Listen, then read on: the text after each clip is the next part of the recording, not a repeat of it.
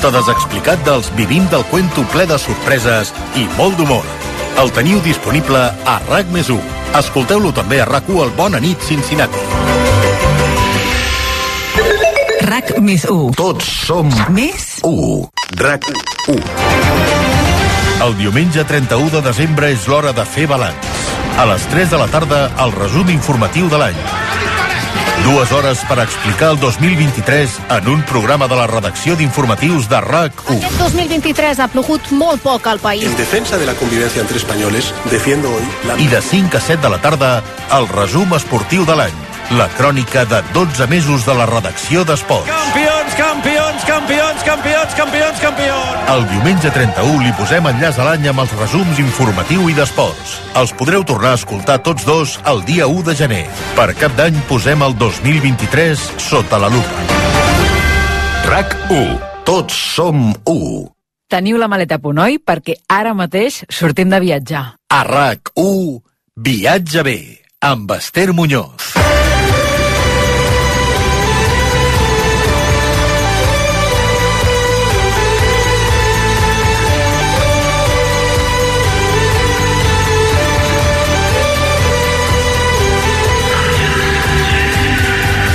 Bona tarda i benvinguts al programa de viatges de rac Aquest dissabte, el nostre últim viatge del 2023 serà a Nuremberg, la segona ciutat més gran de la regió de Baviera. Una ciutat que acaba de celebrar els seus mercats de Nadal, autèntiques obres d'art al centre històric que, si encara no coneixeu, podreu descobrir l'any vinent. Un destí que també podeu visitar a l'estiu durant els festivals de música, festivals que també se celebren a Ballarut, una altra ciutat molt propera a Nuremberg, on us portarem durant els propers minuts. A més, l'Helena Merín ens portarà fins als mercats de Nadal també de la República Txeca. Però abans d'acabar, encara farem una cosa molt especial. Repartirem premis.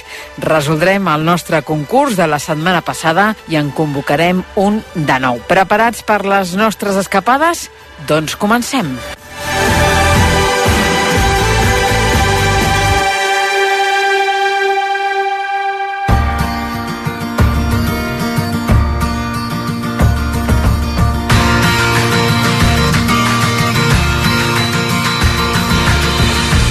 Aquesta tarda us portem al nord de Baviera, molt a prop d'Àustria i la República Txeca, per descobrir-vos Nuremberg, la segona ciutat més gran d'aquesta regió del sud d'Alemanya després de Múnich. Una ciutat medieval amb molta història, amb moltes propostes culturals, plans familiars que podem visitar en un cap de setmana i a la que, a més a més, arribarem en poc més de dues hores amb el vol directe que ens ofereix la companyia Vueling que connecta Barcelona amb Nuremberg tres dies a la setmana. Per saber què ens ofereix aquesta destinació, tenim amb nosaltres Clara Hausmann, que és assistent de direcció del Centre de Congressos i Turisme de Nuremberg, i aquí ja podem saludar. Clara, bona tarda, buenas tardes, bienvenida a RAC1. Buenas tardes.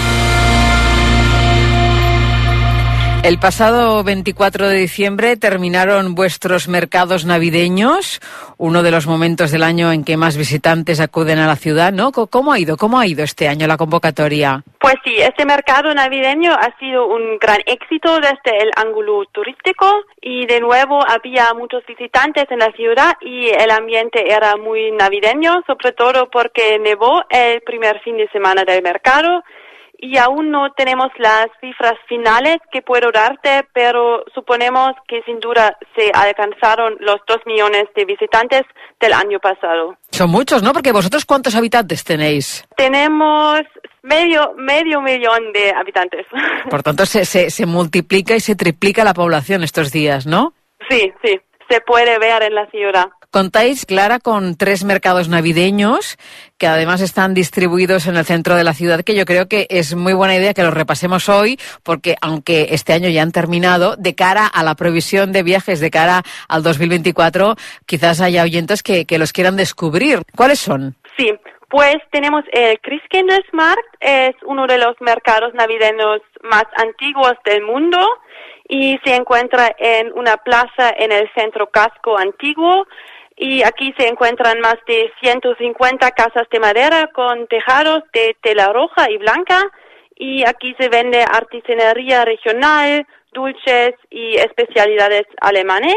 Y pues también hay el mercado infantil justo al lado del mercado principal y sí, es un paraíso para los niños y las atracciones principales aquí son un carrusel tradicional y un ferrocarril de vapor y también hay un mercado de las ciudades hermanas de Nuremberg y pues así los visitantes pueden probar especialidades y comprar productos de todo el mundo. Es pues casi como una vuelta al mundo en Nuremberg. Nos decías que el color rojo y blanco eh, destacan, ¿no? En estos mercados, ¿no? ¿Por qué? Son los eh, colores de Navidad y Nuremberg es muy famoso por esos tejados de tela roja y blanca. Una de las protagonistas también de vuestra Navidad es una chica que es la encargada de entregar los regalos. ¿Quién es? Sí, en el sur de Alemania el niño Jesús trae los regalos y pues el niño Jesús es un símbolo de la Navidad en Nuremberg y Christkindlesmarkt, como se llama el mercado navideño en Nuremberg, se traduce a mercado del niño Jesús y pues es una mujer joven de Nuremberg y se transforma en el niño Jesús durante de la Navidad en, en Nuremberg. Tiene rubio rizado con corona dorada y túnica blanca y tradicionalmente abre su mercado, pues es su mercado, el Christkindlesmarkt, con una ceremonia festiva a viernes anterior al primer adviento. Cada año escogéis una mujer nueva, ¿no? Una chica nueva. Sí, sí. Cada año es una nueva mujer de Nuremberg, una, una chica. Nos hablabas ahora de, estos dos millones de, visitantes que calculáis que habéis tenido este año en los mercados de Navidad. Eh, ¿De dónde procede vuestro turismo mayoritariamente? Muchos visitantes vienen de la región o de Alemania, pero el mercado navideño también es muy internacional. Uno de cada seis visitantes viene del extranjero. Y, por ejemplo, el año pasado, los tres mercados extranjeros más importantes en diciembre fueron los Estados Unidos, el Reino Unido y también España. Sí, porque creo que de las 83 millones de pernoctaciones que tenéis, eh, un número elevado es eh, procedente del Estado español, ¿no? Vale, sí.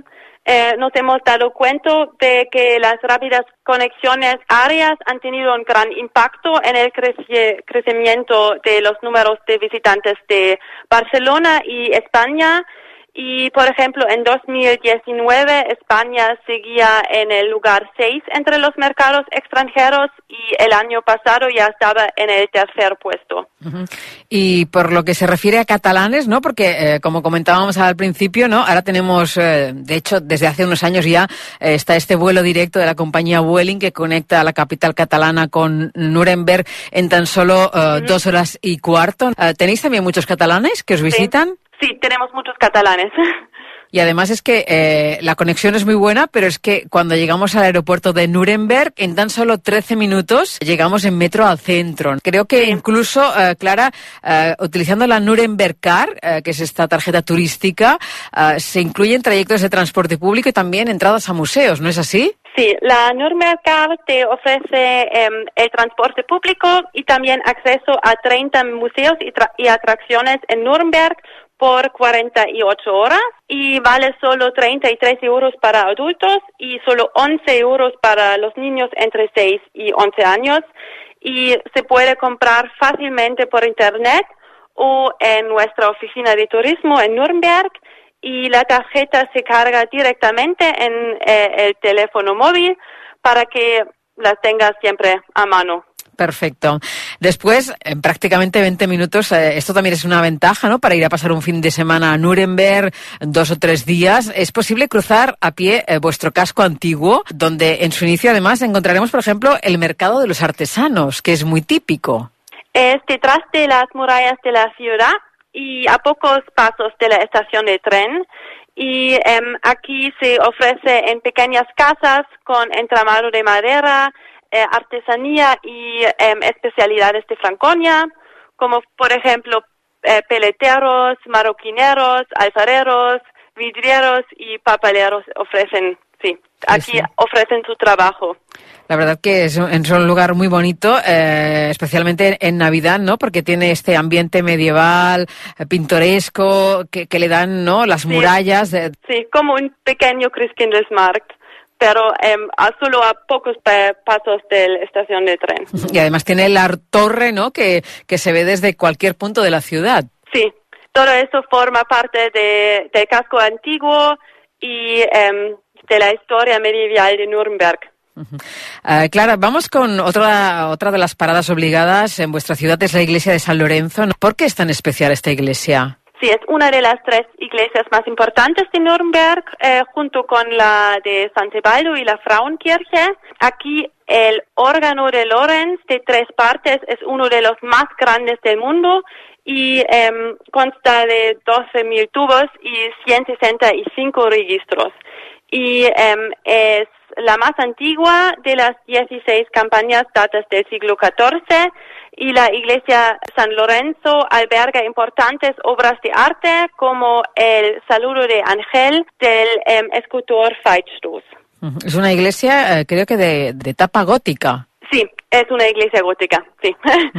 Y por lo que se refiere a las otras iglesias que vamos a ver también paseando por Nuremberg, ¿qué nos puedes explicar? Sí, hay muchísimas iglesias en Nuremberg, em, como por ejemplo la Frauenkirche, que es alrededor del Christkindlesmarkt y sí, forma el ambiente del Christkindlesmarkt. Creo que, en esta iglesia incluso mm, al mediodía eh, se puede ver un espectáculo de figuritas de reloj.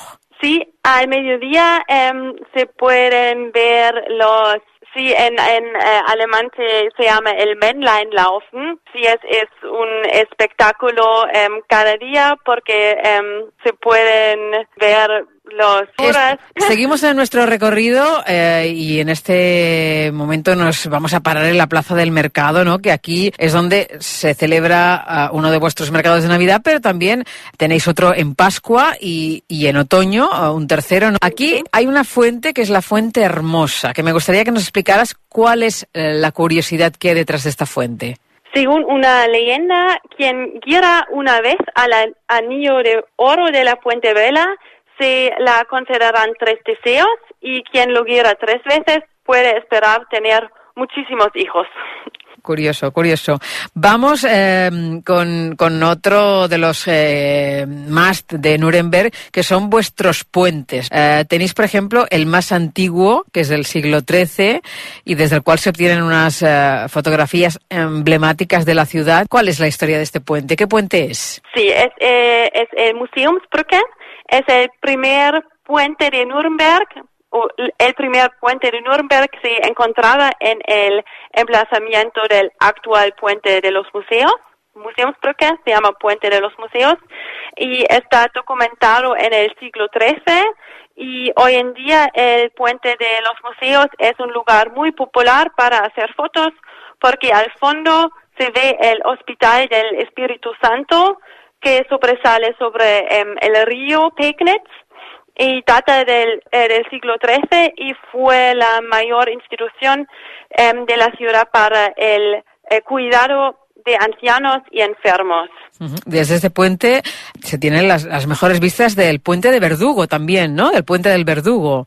Mm, esta pasarela de madera era utilizada por el Verdugo Em, un hombre con el que un eh, ciudadano honorable no podía tener nada que ver en la Edad Media em, para desplazarse desde su apartado domicilio en la casa del verdugo hasta la ciudad y la pasarela se construyó en su emplazamiento actual tras la eh, gran inundación en el siglo XVI. Por tanto, eh, eh, en este puente de madera, con este torreón donde antiguamente vivía eh, el verdugo de la ciudad, aquí también tenemos una, una, una, foto de postal increíble. Sí, también es em, sí, una de las fotografías más emblemáticas de la ciudad y muy em, famoso. ¿Y qué me dices de la, de la fuente del carrusel del matrimonio? ¿Qué nos muestra esta fuente? Mm, sí, es erigido en la Ludwigsplatz de Nuremberg, fue erigido en 1984 y se considera hoy la mayor fuente europea del siglo XX y alrededor del Meistersinger danzante de Nuremberg, Hans Sachs, también es muy famoso, em, se puede ver una serie de figuras en seis escenas y em, representa la turbulenta vida del matrimonio, desde el primer amor hasta la muerte. Toda, toda la historia, ¿no? Completa. Sí. Vamos sí. Eh, a lo alto de Nuremberg. Eh, aquí está vuestro símbolo. Es el castillo imperial y su palacio. También es eh, tiene un mirador, un mirador desde el cual se obtienen las mejores vistas de vuestro skyline. ¿Cómo es este lugar? Explícanos. Mm, Nuremberg fue una de las ciudades más importantes del Sacro Imperio Romano Germánico en la Edad Media y pues es eh, el castillo imperial de Nuremberg es uno de los castillos más importantes de Alemania y eh, se encuentra como una emblema de la ciudad en una colina por encima de la ciudad y como ya has mencionado del castillo se obtienen las mejores el, las mejores vistas de Nuremberg y su casco antiguo. Además es que es lo que decíamos al principio, ¿eh? Eh, no hace falta coger ningún transporte, ¿no? Porque desde eh, el origen donde empezábamos esta ruta hasta el castillo eh, hay unos minutos, 10, 15 minutos caminando, no hay más, ¿eh?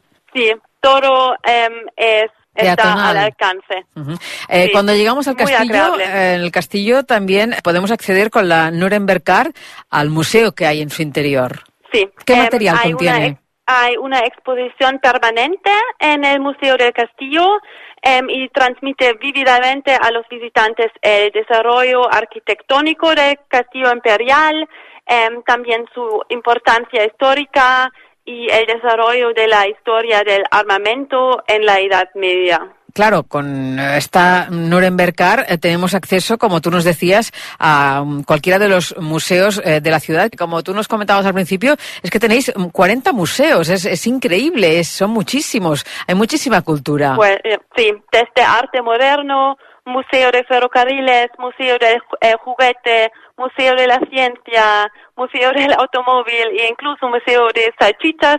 Hay tanto y pues sí, no, no tengo un favorito todas son estupendas. Nos hablabas de, del, por ejemplo, del Museo Nacional Germánico, ¿no? Que aquí creo que está el globo más antiguo patrimonio de la UNESCO. Sí, el globo Beheim y es el globo más antiguo del mundo. Y después, eh, por lo que se refiere a pintura, hay un pintor eh, que se llama Alberto Duero, que también es eh, uno de los más destacados en Nuremberg. ¿Qué, qué parte de su obra podemos ver? Mm, Alberto Duero nació en Nuremberg y hay un museo que se trata de su vida y su obra. Sí, también es uno de los museos que se pueden puede visitar con la Nuremberg Card. Uh -huh.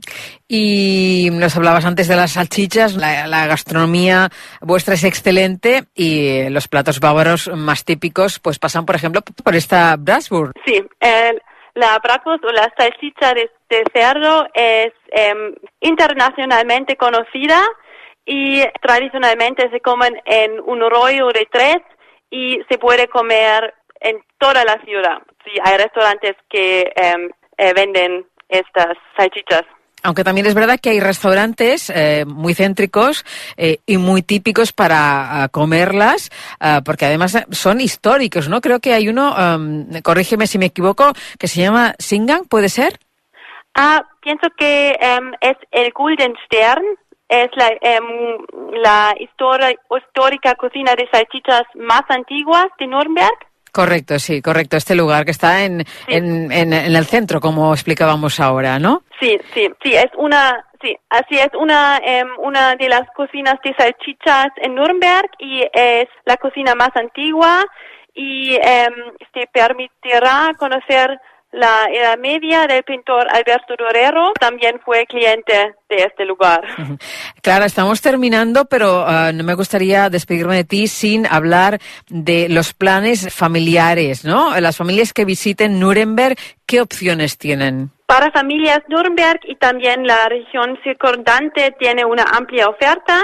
ya sea con una visita al zoo, al Museo de Ferrocarriles, o al parque de dinosaurios o al parque de atracciones de Playmobil, tanto los niños como los padres disfrutarán mucho.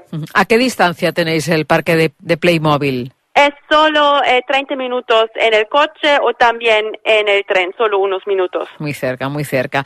Por cierto, las personas que elijan el verano para visitaros, que tengan muy en cuenta que en el mes de julio celebráis un festival de música gratuito muy, muy importante. ¿Cuál es este festival? Pues es- es- se llama el Bartentreffen y em, en el último fin de semana, este, el último fin de semana de julio se celebra en el centro de Nuremberg y es un festival de música al aire, al aire libre de tres días de duración y se celebra cada verano en Nuremberg.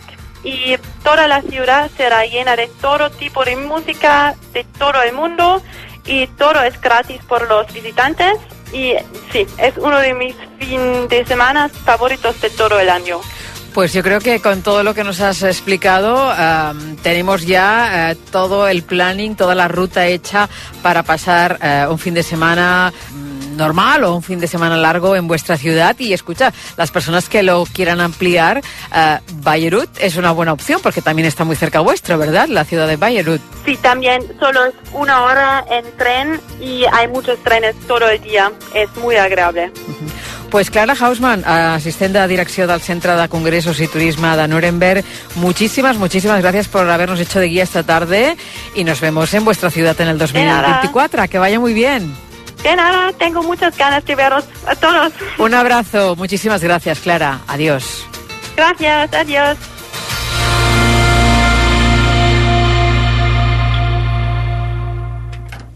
RAC1 us està oferint Viatge bé amb Esther Muñoz.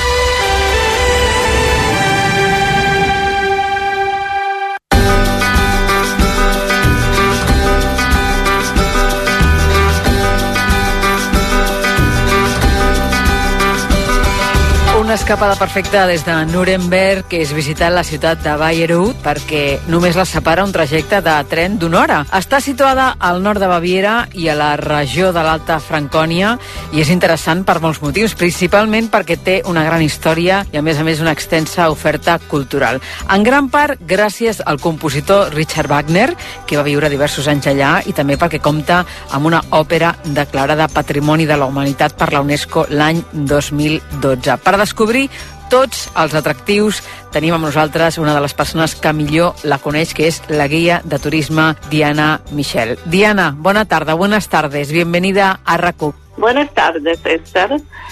Acabamos de recorrer Nuremberg con Clara Hausmann, eh, que nos ha explicado pues cómo son los mercados de Navidad de su ciudad, que terminaron el día 24 de diciembre. Y hemos de comentar primero de todo, Diana, eh, contigo también, que mm, tenéis un mercadillo de Navidad que es una maravilla. Sí, es verdad. Vosotros Sí. solo tenéis uno, por eso, pero es precioso. Sí, es precioso, sí. ¿Dónde, dónde se Es ubica? verdad, ¿Dónde se ubica y en qué, en qué fecha se celebra para las personas que quieran visitarlo de cara al año que viene? Eh, todos los años el mercantillo de Navidad se puede visitar durante el tiempo de Adviento, que empieza el primer domingo de Adviento a finales de nove- noviembre o a primeros de diciembre y dura hasta el cuarto domingo de Adviento, es decir, el domingo antes eh, de la Nochebuena. Ujú, que es como celebráis vosotros las fiestas que van un poco diferentes de las nuestras, ¿no? De todas formas, el mercadillo de Navidad de vuestra población es más pequeño que el de Nuremberg. Es mucho más pequeño porque todos, todas las ciudades, eh, también las ciudades pequeñas, eh, tienen un mercadillo de Navidad. Es el, eh, es el costumbre. También hemos de decir que es muy auténtico, ¿no? Muy artesanal y es un mercado en el que colaboran pues eh, todos los ciudadanos. Sí, los artesanos ofrecen eh, sus cosas eh, y también se puede tomar el vino caliente. Que no falte, sobre todo cuando hace frío, ¿eh? Sí, sí. y normalmente aquí, aquí hace, mm, sí, hace bastante frío, pero eh, em, ahora, ahora está lloviendo, Ajá. Eh, lamentablemente. Diana, que hace falta que llueva, sobre todo eh, aquí donde, donde nosotros vivimos, que vosotros aún tenéis más lluvia, pero aquí eh, estamos en, en periodo de sequía. Diana, como decíamos, estáis a una hora de Nuremberg en tren. Sitúanos exactamente en el mapa Bayreuth. ¿En qué zona estáis para ubicarnos? La zona se llama Alta Franconia, es decir, eh, Bayreuth está situada en el norte de Baviera y Bayreuth también es la sede del gobierno de este distrito Alta Franconia, a 80 kilómetros eh, al norte de Nuremberg y accesible a través de la autopista A9. Es muy fácil. También estáis muy Sí. cerca de Múnich, ¿verdad? Eh, pero son 200, más de 200 eh, kilómetros. También se puede llegar a Bayreuth por la autopista A9. Ujú. ¿Cuántos habitantes tenéis vosotros? Eh, la ciudad tiene 73 mil habitantes, pero durante el periodo de los festivales la población duplica, eh, la población se duplica durante este, este periodo de los festivales de Ricardo Wagner y eh, estos festivales también eh, son muy reconocidos y también eh, la razón por la cual Bayreuth es muy conocida en, en el mundo. Hacéis eh, varios festivales durante el año, ¿no? En, en todas las épocas del año, en verano. ¿Cuán- ¿Cuándo tienen lugar estos festivales? No, los festivales eh, empiezan el 25 de julio y eh, terminan el 28 de agosto. Perfecto. Siempre, todos los años. Pues mira, un motivo más para visitaros también en, en verano. Eh, vamos a, a- antes de, de hablar de la figura de, de- de Wagner, vamos a recorrer un poco la- las diversas calles que tenéis. y además nos, nos invitan a hacer un paseo a pie, como por ejemplo Maximilianstraße, ¿no? Eh, ¿Cómo son eh, estas calles? ¿no? ¿Qué arquitectura tienen? ¿Cómo son las casas? ¿Cómo nos las podemos imaginar? Maximilianstraße es la zona peatonal de Bayreuth y Bayreuth eh, lamentablemente eh, fue bombardeada al final de la Segunda Guerra Mundial y también eh, el centro fue bombardeado. Eh, las casas eh, que están, eh, las casas eh, al lado, eh, a una, de un lado de esta zona, eh, fueron destruidas eh, durante el bombardeo y después eh, fueron eh, eh, reconstruidas, sí, después 1945. Las casas eh, de enfrente eh, son medievales, Vale, pero la, son la altura, no se dice la Claro, altura, claro, la claro. altura es la misma. Vamos a encontrar dos tipos de construcción, ¿no? Las construcciones más medievales y las que son posteriores a 1945 tras el bombardeo de la Segunda Guerra Mundial, como tú nos comentabas, ¿no?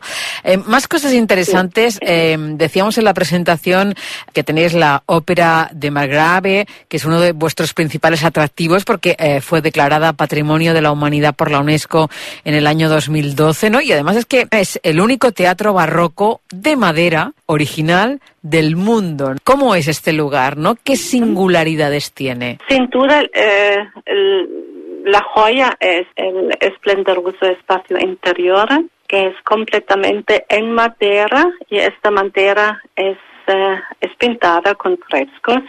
Este espacio interior eh, ha sido concebido por el arquitecto famoso italiano Giuseppe Galli da Bibbiena. Otra característica particular es el estilo contradictorio porque dos arquitectos fueron encargados por Guillermina y la fachada y el vestíbulo austero neoclásico, al estilo neoclásico, han sido realizados por el arquitecto francés Joseph Saint-Pierre, el arquitecto de Guillermina, que hizo muchas cosas para ella. ¿Quién es Guillermina, Diana? ¿Quién es eh, y qué importancia tuvo en vuestra población? Guillermina era una princesa eh, de Prusia. Guillermina era sobre todo la hermana de Federico el Grande. Sí. pero también la hija del rey Federico Guillermo I de Prusia y de su esposa, que era la hija del, del rey inglés Jorge I.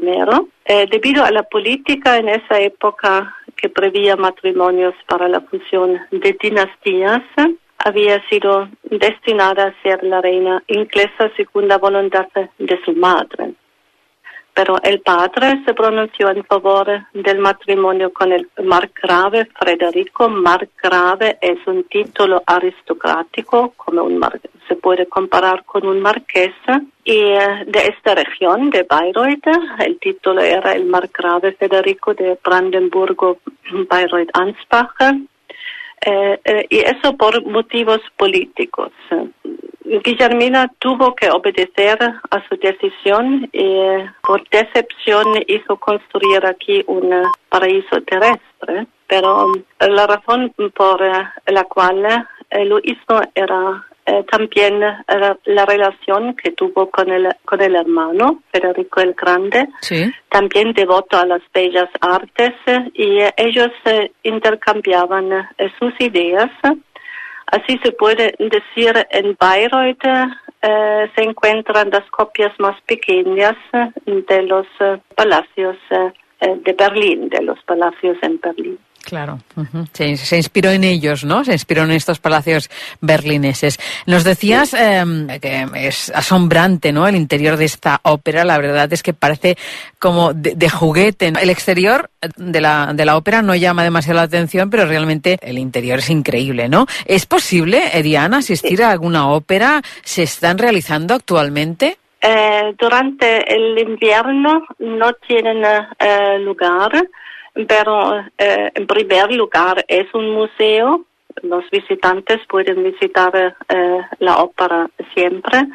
Eh, solamente durante el verano se puede disfrutar también de conciertos y espectáculos. Perfecto. ¿Y en el museo qué material hay? Em, me imagino que muchísima historia, visitas importantes que ha habido en la ópera de, de políticos, de mandatarios y también, pues, sobre todo de artistas, ¿no? Que han actuado. Sí, también. Eh, el museo al lado de la ópera es, es nuevo. Eh, ha sido inaugurado eh, solamente este, esta primavera. Se explica sobre todo la historia del edificio mismo, pero también se explica cómo funcionaba una vez el teatro en tiempos de Guillermina. se puede eh, manipular, eh, manipular, ¿no? Hacerlo funcionar. hacer funcionar, eh, por ejemplo, quintas que están expuestas en este museo, sí. Incluso puede ser una actividad divertida para hacer con niños, ¿no? Para que los niños también empiecen a acercarse al mundo de la ópera, porque también está un poco dirigido a ellos. Sí, los niños pueden aprender mucho en este museo, sí. Fantástico, fantástico. Vamos con, con, otro museo, Diana, eh, que merece muchísimo eh, la pena en Bayreuth, que es el Museo de Richard Wagner, ¿no? Em, primero me gustaría que nos explicaras qué vinculación tenía el compositor con vuestra ciudad. El compositor Richard Wagner nació en Leipzig, eh, tuvo una vida muy em, particular porque em, tuvo que cambiar muchas veces eh, eh, el puesto de trabajo en, el sitio donde, donde estaba debido a muchas veces debido a problemas eh, financieros. Al final de su vida trabajó para el rey de Baviera, Luis II, era su amigo y también su mecenas. Bayreuth era el, la ciudad donde hizo celebrar sus festivales, que eran un proyecto desarrollado junto con el rey. También Bayreuth era su última morada. Eh, vamos a hablar un poquito de, lo que encontraremos en el Museo de, Wagner, ¿no? ¿Hay alguna colección destacable? ¿Hay maquetas de ópera, eh, trajes de teatro, exposiciones temporales? Hay también exposiciones temporales pero se puede siempre admirar la exposición sobre su vida y su, obra, que está en el segundo piso de la casa, y también eh, una exposición con eh, el vestuario original de los festivales, también eh, con los modelos del decorado escénico es una exposición sobre los festivales. Y también eh, creo que hay creo que hay también eh, un árbol eh, genealógico. sí, en, en, una habitación en el segundo piso del, de la casa, una vez allí se encontraban los, las habitaciones de los niños. Hoy en estos en estas habitaciones eh, em, se puede ver esta exposición permanente y allí hay un árbol eh, genealógico, pero es el eh, árbol genealógico de la familia. De Richard Wagner. Y después también hay, hay una actividad muy interesante que es un repaso a las composiciones que hay en películas actuales de Richard Wagner, que esto también es una actividad interactiva muy divertida. Es un dispositivo eh, multimedia que se puede decir despierta el interés eh, por su música y sus composiciones. Se puede se puede entender también eh, em, su modo muy meticuloso de, de, componer las óperas y también se puede entender eh, cosa significaba eh, en estos tiempos eh, componer y eh, también distribuir, por ejemplo, todas las copias para los músicos, porque eso mm, hicieron a mano en estos tiempos. ¿Recuerdas? mucho trabajo. ¿Recuerdas alguna película ahora mismo donde haya alguna composición de, de Wagner? Apocalipsis Now, por ejemplo. Muy bien, muy bien. Eh, eh, es la Valquiria que se puede, eh, la música de la, de la Valquiria que se puede oír en esa película. El Gran Dictador con Charlie Chaplin, por ejemplo. la música es de la ópera Lohengrin. Sí, es muy impresionante. este, este, dispositivo, sí. Excalibur, Melancolía, eh, Capitán América, The First Avenger también, por ejemplo. Pues una de las actividades a hacer si, si visitamos Bayern en este museo de, de Wagner, ¿no? Donde además, detrás de la casa, se encuentra la, la tumba del compositor, ¿no es así? hay la tumba. En el jardín está la tumba, pero fueron enterrados eh, el compositor mismo, pero también su esposa, su segunda esposa Cosima Wagner, em, que era la hija del compositor Franz Liszt. Y también hay la tumba del, del perro preferido, rusa, una, era un Terranova. Y la particularidad de esta tumba es eh, el hecho que eh, no hay inscripción, porque según eh, Richard Wagner, em, las personas que vienen para ver la tumba saben por qué vienen. Claro, claro. Ya, ya, ya saben dónde están, ¿no? Ya pueden identificar, ¿no? Sí, por supuesto. Sí, por supuesto. Diana, em, hay unos jardines que merecen un paseo muy agradable, justo em, que empiezan aquí en esta zona donde, donde está la, la tumba, ¿no? De, de, la familia Wagner, ¿no? ¿Qué jardines son? Eh, detrás de la eh, de la casa de eh, Richard Wagner que tiene que tiene el nombre Wahnfried este nombre significa eh, se puede decir la, la tregua de la búsqueda. Richard Wagner buscaba algo durante su vida y me parece que eh, lo que buscaba era la paz interior y en este sitio se puede eh, eh, encontrar mucha tranquilidad porque la casa está situada al lado de, este, de estos jardines que pertenecen al Palacio Nuevo de Guillermina. Es el jardín cortesano de este palacio. es, ese palacio que tú nos decías al principio que estaba inspirado en los palacios berlineses. El Palacio Nuevo fue inspirado por el Palacio Nuevo, es decir, el eh, domicilio de los emperadores eh, alemanes eh, en Potsdam, sí. que eh, fue construido por, eh, eh, por Federico el Grande.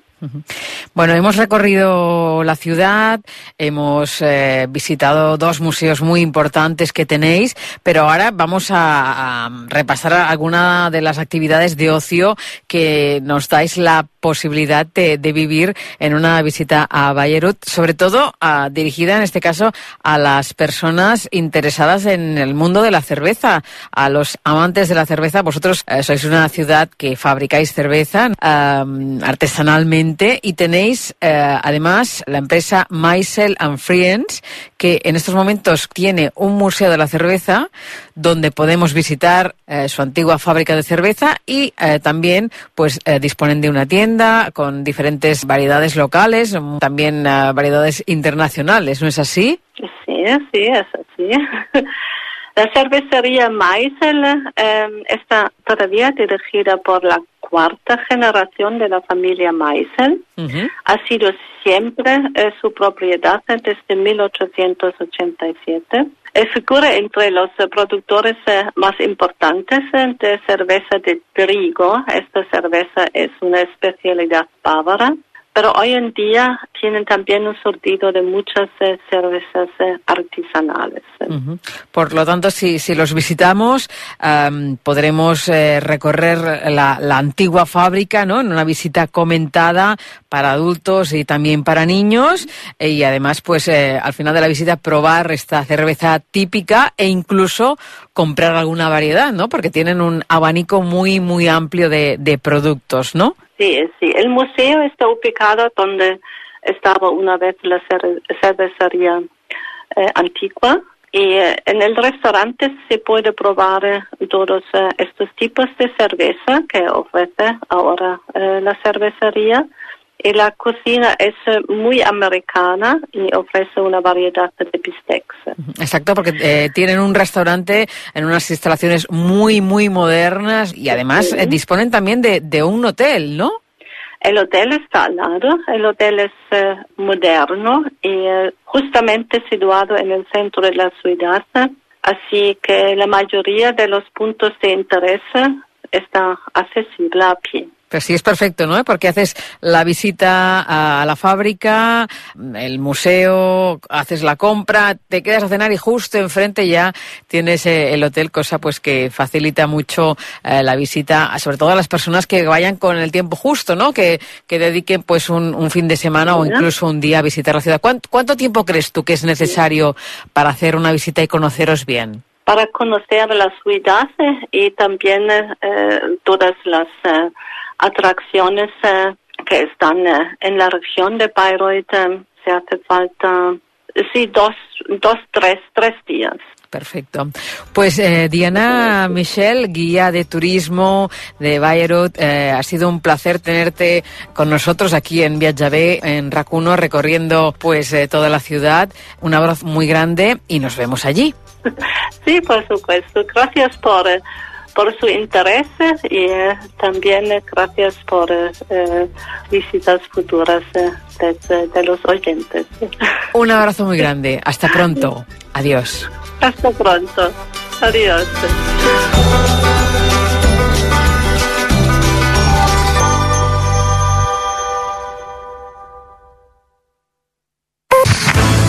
Presidente Sánchez, bon dia, moltes gràcies. Buenos días, gracias. ¿Cómo está? Bien, bueno, recién eh, llegado aquí a Barcelona, me he tenido que levantar pronto en Madrid, pero es un placer estar aquí eh, con usted y con sus oyentes. La voluntad del presidente del gobierno es reunirse con Carlos Puigdemont después de aprobarse la ley de amnistía. Lo lógico es que sea después de la ley de amnistía, tanto con eh, Carles Puigdemont como con Oriol Junqueras. El món a RAC1 amb Jordi Basté, on passen les coses. RAC1. Tots som 1. RAC1. El diumenge 31 de desembre és l'hora de fer balanç. A les 3 de la tarda, el resum informatiu de l'any. Dues hores per explicar el 2023 en un programa de la redacció d'informatius de RAC1. Aquest 2023 ha plogut molt poc al país. En defensa de la convivencia entre españoles, defiendo hoy la... I de 5 a 7 de la tarda, el resum esportiu de l'any. La crònica de 12 mesos de la redacció d'Esports. Campions, campions, campions, campions, campions, campions, campions. El diumenge 31 li posem enllaç a l'any amb els resums informatiu i d'esports. Els podreu tornar a escoltar tots dos el dia 1 de gener. Per cap d'any posem el 2023 sota la lupa. RAC 1. Tots som 1. Aquest cap d'any. Aquest cap d'any celebra la rebella amb nosaltres. Mentre fas l'aperitiu, mentre sopes, mentre fas el raïm i mentre celebres l'arribada del 2024... Fes sonar RAC1 i RAC 105. Una nit d'emissió conjunta des de les 9 de la nit fins a les 6 de la matinada. Amb una selecció de la millor música de rebella, mesclada i presentada pel Jordi Delis. Siguin quins siguin els teus plans per cap d'any, acompanya'ls amb la rebella musical de RAC1 i RAC 105. Bones festes i feliç 2024. RAC 1. Benvolguts Reis d'Orient. Aquest any ens hem portat raonablement bé. Hem intentat fer feliç l'audiència informant-los i entretenint-los. També és veritat que els dies de GM hem tornat a ser una mica pesadets. Però tot és a fi de bé, per donar-los les gràcies. I com que ens hem portat bé, us demanem algunes coses que ens agradaria que ens portéssiu. Que les notícies que expliquem siguin una mica millor. I una cafetera nova per la cuina de la ràdio també ens aniria bé. Il·lusió i esperança. Però sobretot, sobretot, salut pels nostres oients i per nosaltres. I una dentadura nova per mi, que amb els torrons aquest any ja, ja no m'aguanta. Bones festes amb RACU. RACU us està oferint Viatge bé amb Esther Muñoz.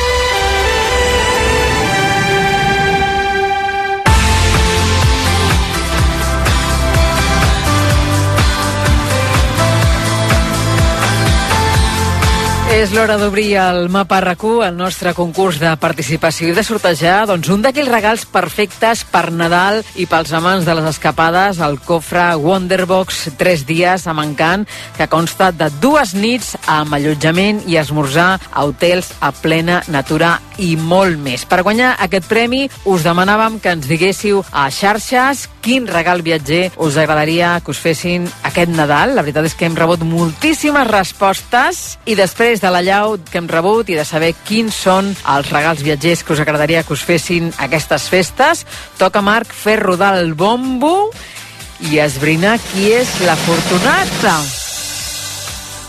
Ja el tenim aquí. És Educadora Global, l'oient que ens va enviar un missatge a través de Twitter on ens deia que el millor regal d'aquestes festes per ella seria una maleta nova. Enhorabona, la setmana vinent et contactarem i et direm com podràs gaudir del teu premi i a la resta d'oients, molta atenció, perquè ara mateix convoquem un nou concurs de participació per acabar l'any de la millor manera possible i que perquè, a més a més, us ho mereixeu. Posarem en joc, atenció, dos bitllets d'avió, nada i tornada per dues persones amb destinació nacional o internacional amb la companyia Vueling per guanyar aquest fantàstic premi inclou una maleta facturada i una bossa de mà per cada passatger, us demanem que ens seguiu a Twitter, a l'arroba viatjabé, que feu retuit del missatge que publicarem de seguida, que etiqueteu la persona amb qui hi aniríeu de viatge si us toqués aquest premi. Eh, Dir-vos també que també podeu participar, a més a més, a Facebook, a Instagram o enviant-nos un correu a l'adreça viatge arroba recu.net i, sobretot, importantíssim, heu de respondre a aquesta pregunta. Quin viatge us encantaria, us agradaria fer durant el 2024? Expliqueu-nos-ho, ens doneu tots els detalls d'aquest viatge a través de totes les xarxes que vulgueu del programa i dissabte 6 de gener farem el sorteig durant el programa. Molta sort a tothom!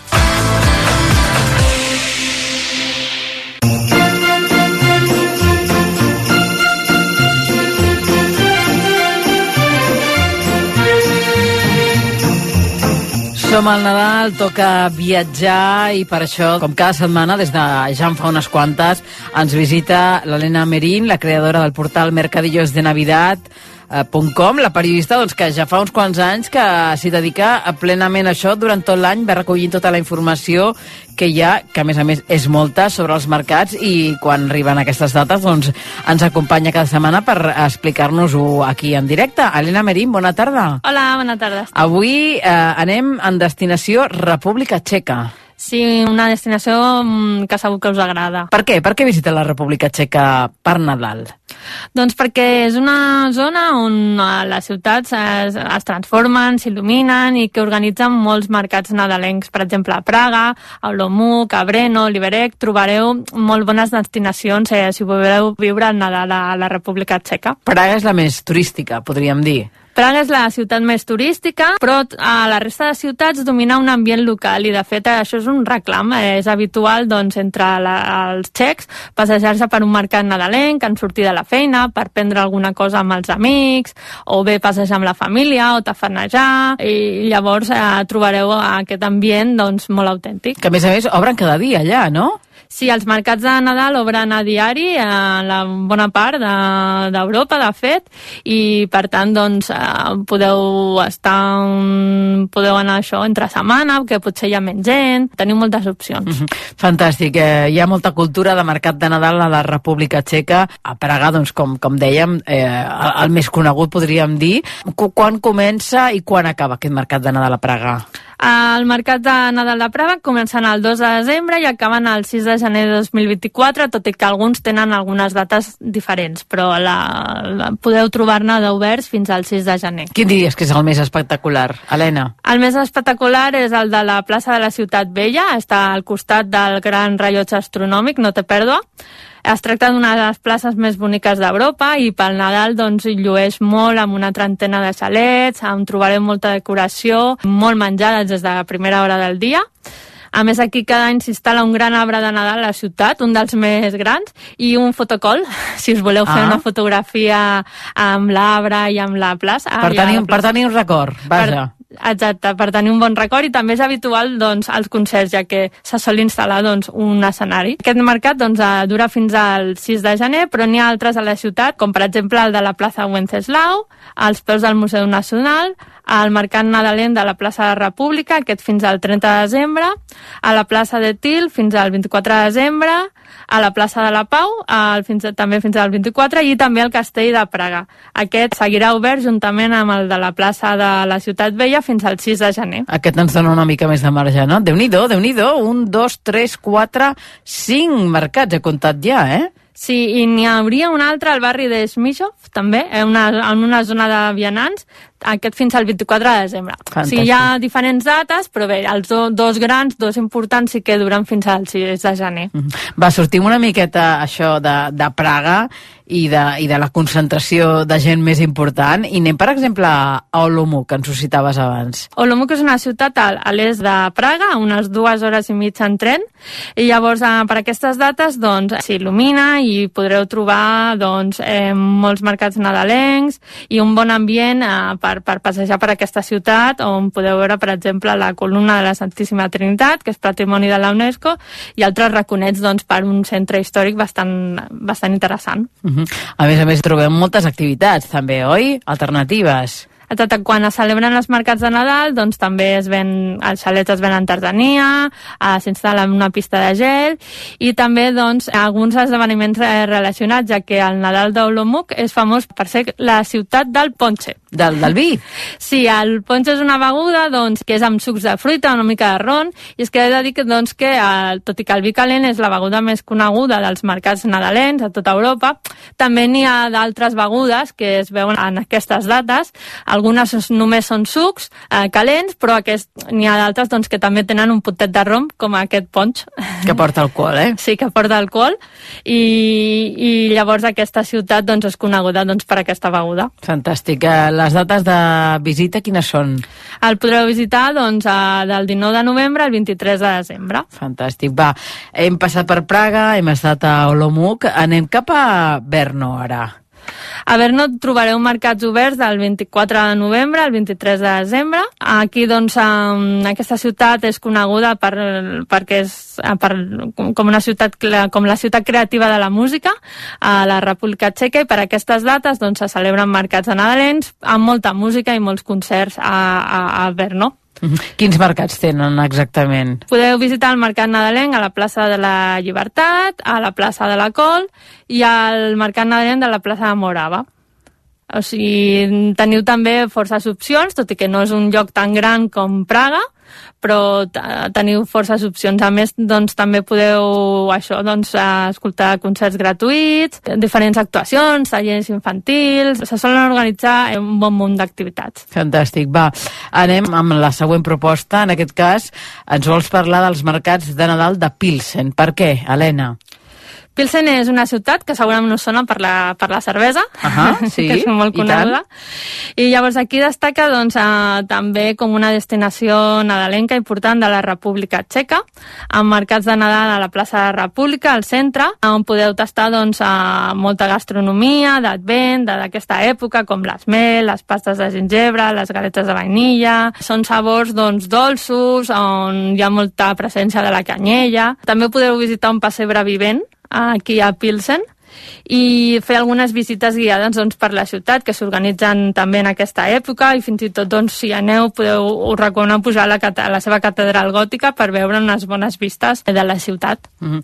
Fantàstic, hem estat a Praga, hem anat a Olomouc, hem estat a Berno, a Pilsen i la darrera parada la vols fer a Liberenc. Sí, aquesta ciutat està al nord de Praga, eh, celebra mercats de Nadal fins al 23 de desembre, està una hora en cotxe des de Praga i aquí, per exemple, doncs, també trobareu un mercat nadalenc a la plaça del doctor Elbars Vena, on podreu comprar artesania nadalenca i menjar, i en aquest cas, en el cas de l'artesania, trobareu peces confeccionades a la zona de Bohèmia, que és molt tradicional, segurament us sona, i doncs aquí trobareu aquest tipus d'artesania en els mercats nadalencs. Doncs Helena Merín, creadora del portal de viatges centrat en els mercats de Nadal, mercadillosdenavida.com, moltíssimes gràcies per visitar-nos avui, portar-nos a la República Txeca i t'esperem la setmana vinent amb una destinació que em fa molta il·lusió, que és el Tirol italià. Us enamorarà. Estic frisant ja, així que passi ràpid la setmana perquè ens ho expliquis. Que vagi bé, Helena. Adéu.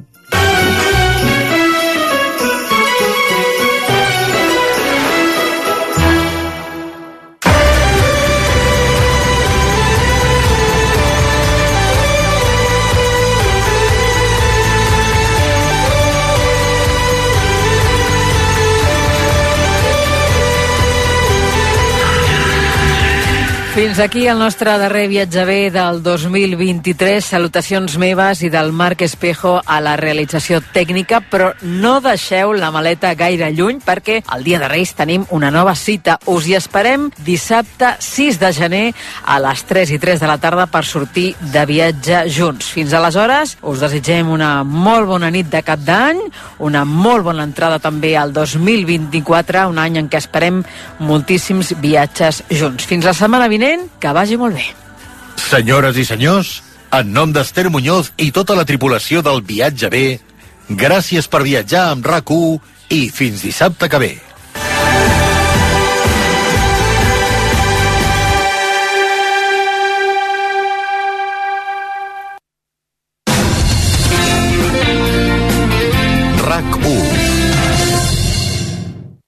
Barcelona el musical de los chicos del coro, de la mà d'ANR Producció. Més de 130.000 espectadors ja han gaudit d'aquest èxit que arribarà al Teatre Tívoli el 8 de febrer.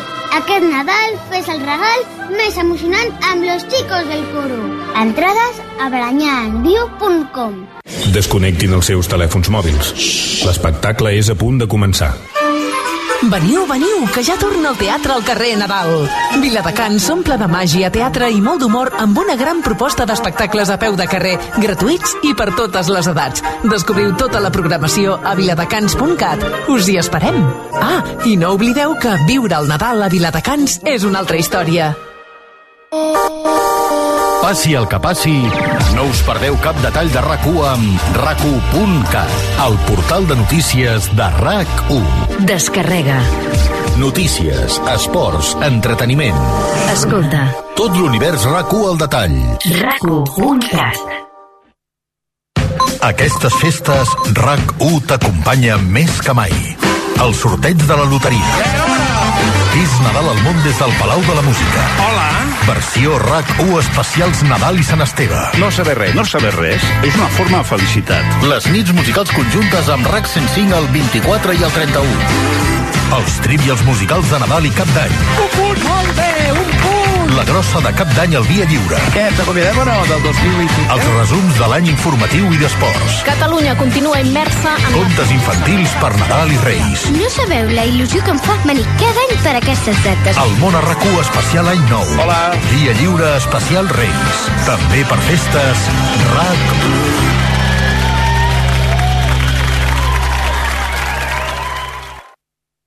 RAC més 1, podcast. RAC més 1 i Vins i Licors Grau presenten 360 graus, un podcast sobre l'univers del vi amb Joan Maria Pou. Un recorregut per conèixer més sobre les vinyes, destilats i licors. El podcast que mira el món del vi cada dia des d'un punt de vista diferent. Des de que l'home coneix el vi, va descobrir un dels elements importants en una cocció. El vi no deixa de ser un reflexe de la manera de fer d'un territori, d'una identitat. 360 graus. Els dimarts, cada 15 dies, fes-ne un glob a l'app de rac i a rac RAC més 1. Tots som Més 1. Descobriu i endinseu-vos a l'univers RAC1 via rac1.cat. El portal de notícies de RAC1. Registreu-vos. RAC1.cat. .cat. És fàcil.